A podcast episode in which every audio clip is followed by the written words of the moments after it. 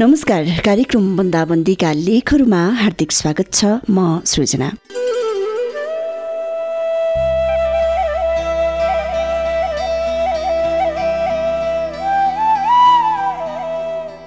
कार्यक्रम बन्दाबन्दीका लेखहरूमा आज मछेरी डट कमबाट साभार गरिएको जीवन दाहालले लेख्नु भएको फिलिङ शीर्षकको लघु कथा प्रस्तुत गर्दैछु।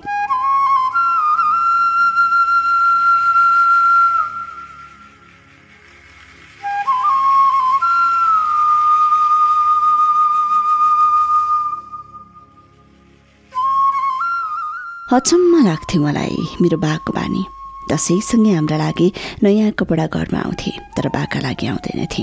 अनि आमा गुनगुनाउनुहुन्थ्यो आफूलाई पनि यसो एकजोड नयाँ लुगा हालेको बा हुँदैनथ्यो कति लोभ गर्न सकेको?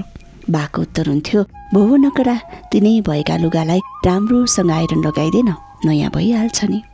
नयाँ फेसनका जुत्ता आएपछि आफूले लगाइरहेको जुत्ता सारसौँदो हुँदाहुँदै पनि बालाई बिहान जुत्ता देखाएर बा मेरो जुत्ता त पुराना भए नि भन्थेँ म त्यसै दिनको बेलुकी जुत्ताको पोको बासँगै गराउँथ्यो। अनि आमा फेरि गनगनाउनुहुन्थ्यो। आफूलाई पनि एकजोड ल्याएको भए हुँदैन थियो। हेर्न हुने त छैन नि त आफ्ना पनि। किन चाहियो अर्को जोर? यही जुत्ताले अझै एक वर्ष जान्छ। जुत्ता टल्काएर कुन राजाको चाकडीमा जानु छ र मैले? बाको उत्तर हुन्थ्यो। बजारिया खानाको तल तल लाग्न साथ बाका अघि बिहान डिमान्ड राख्यो भने बेलुकी हाम्रा लागि बजारिया खानाको पोको पनि आइपुग्थ्यो। अनि फेरि आमा भन्नुहुन्थ्यो किन यस्तो फजुल खर्च गर्नु परेको? घरमै बनाएको खाना छोडेर। भोबो नकरा कहिलेकाहीँ मुख फिर्दा केही हुँदैन। केटाकेटीलाई पनि दे र आफू पनि खा। मैले उतै खाएर आएँ। बाको सधैँको जस्तै उत्तर हुन्थ्यो। आमालाई हाइपोथर्मियाले सताउन थालेपछि आजित भएर आमाले भाँडा माझ्ने ठाउँमा बाले ग्यास किचर जोडिदिनु भयो र भन्नुभयो अबदेखि दुई पखाली जे जे गर्नु परे पनि तातो पानीले नै गर्नु। ग्यासको लोभ गर्लिस् एउटा सकिए अर्को ल्याइदिउँला आमा केही बोल्नु भएन। हुन्छ कुमुन्टो हल्लाउनु बाहेक। गिजर जोडेपछि हामीलाई खुदो पल्टियो हात धुन तातो पानी मुख धुन तातो पानी दाँत माझ्न तातो पानी नुहाउनु त झन् तातो पानी नहुने कुरै भएन। आमाका लागि त बाघको उर्दी जारी भएकै थियो चिसो पानी छोलिस् भनेर।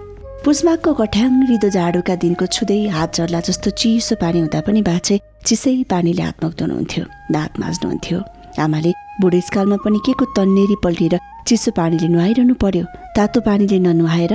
छ त तातो पानी भनेर नदप्काउने हो भने चिसै पानीले नुहाउन बल गर्नुहुन्थ्यो। एक दिन मैले मौका पारेर बालाई सोधेँ बा तातो पानी हुँदाहुँदै पनि किन चिसै पानीले हातमुख धुनुहुन्छ? तपाईँलाई चिसोको फिलिङ हुँदैन? टार्ने पुर्याउनेलाई तातो चिसो केही हुन्न नाथे। भोलि पर्सि ठुलो भएर म जस्तै बा भएपछि तैँले पनि थाहा पाउँछस्। अहिले चाहिँ तैँले पनि तातै पानीले हातमुख धुनु बाघको उत्तर थियो।